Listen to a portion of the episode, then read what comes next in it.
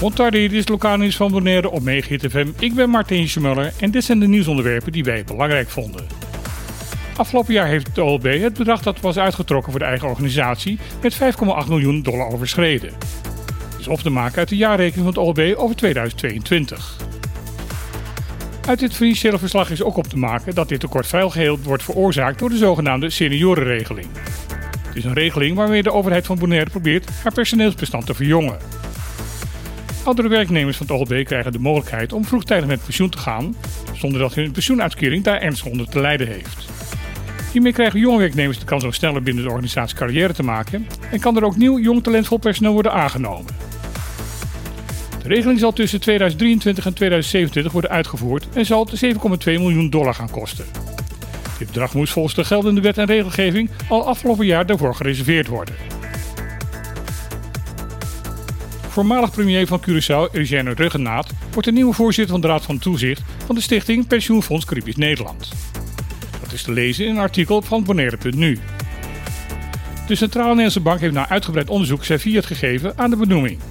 Volgens verslag van het onderzoek voldoet Ruggenaat aan alle gestelde eisen op het gebied van geschiktheid en betrouwbaarheid.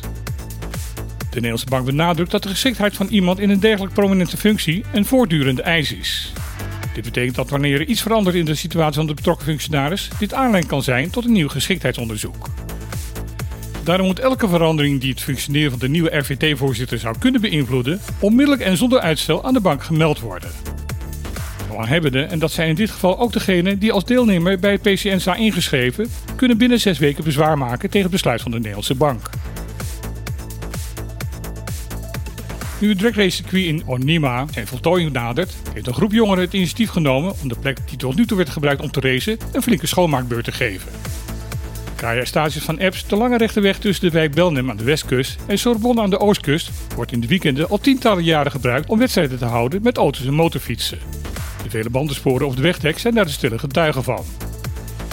Officieel zijn deze races altijd illegaal geweest, maar zeker de laatste jaren is dit gebruik van de weg oogluikend door justitie en politie toegelaten. Al vele jaren wordt er gesproken over een eigen terrein waar de jongeren, zonder andere weggebruikers in gevaar te brengen, hun passie zouden moeten kunnen beoefenen. Maar heel lang bleef het bij woorden. Vlak voor de eilandsraadsverkiezingen afgelopen maart kwam daar opeens verandering in. Er verschenen er foto's in de media waarbij duidelijk werd dat de verantwoordelijk gedeputeerde James Kroon zijn ooit gedane belofte ging inlossen. De laatste berichten zijn dat het nieuwe circuit nu bijna klaar is, een mooie aanleiding voor de toekomstige gebruikers ervan om hun vorige racelocatie netjes achter te laten. De opruimactie levert naar zeggen 25 vuilniszakken met afval op en zal het komende weekend verder worden afgerond. In Curaçao blijken er vergevorderde plannen te zijn om een zogenaamde zeeheffing in te voeren. Dit wordt gemeld door het Antilliaans Dagblad. Hierbij zou elke bezoeker van het eiland een zogenaamde retributie van 55 dollar moeten gaan betalen om gebruik te kunnen maken van strand, zee en binnenwater van Curaçao. Kinderen van onder de 13, bewoners van Curaçao en van de andere vijf voormalige Antilliaanse eilanden zijn hiervan vrijgesteld. Bezoekers die het eiland korter dan 24 uur bezoeken, zoals cruise-toeristen, betalen 10 dollar. Na betaling is de vier geldig voor een jaar. Voor de rest is nog niet veel bekend over de nieuwe wetgeving. Zelfs minister Sylvania, verantwoordelijk voor financiën, gezondheid, milieu en natuur, bleek bij navraag niet op de hoogte te zijn. Hij verwees de journalisten die ernaar vroegen naar zijn collega premier Pisas. Het Antilliaans Dagblad heeft de informatie gelezen in een ontwerp-landsverordening over het instellen van een Natuur- en Milieubeheerfonds. Wanneer de betreffende landsverordening aan het parlement wordt aangeboden is niet bekend. Diverse partijen binnen de toeristische sector hebben ondertussen verontrust gereageerd. Dit was weer het lokale nieuws van Bonaire op Megahit FM. Ik wens iedereen op Bonaire en Curaçao een niet altijd dure dag toe. En dan heel graag weer. Tot morgen.